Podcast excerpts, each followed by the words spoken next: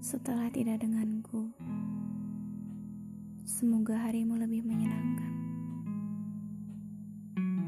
Temuilah seseorang yang lebih keras memperjuangkanmu, yang lebih tabah memahamimu melebihi apa yang pernah kulakukan untukmu. Semoga tidak luka yang kamu dapatkan, tidak kesedihan yang berkepanjangan. Akan mengerti bahwa yang pernah memperjuangkanmu ini memiliki arti.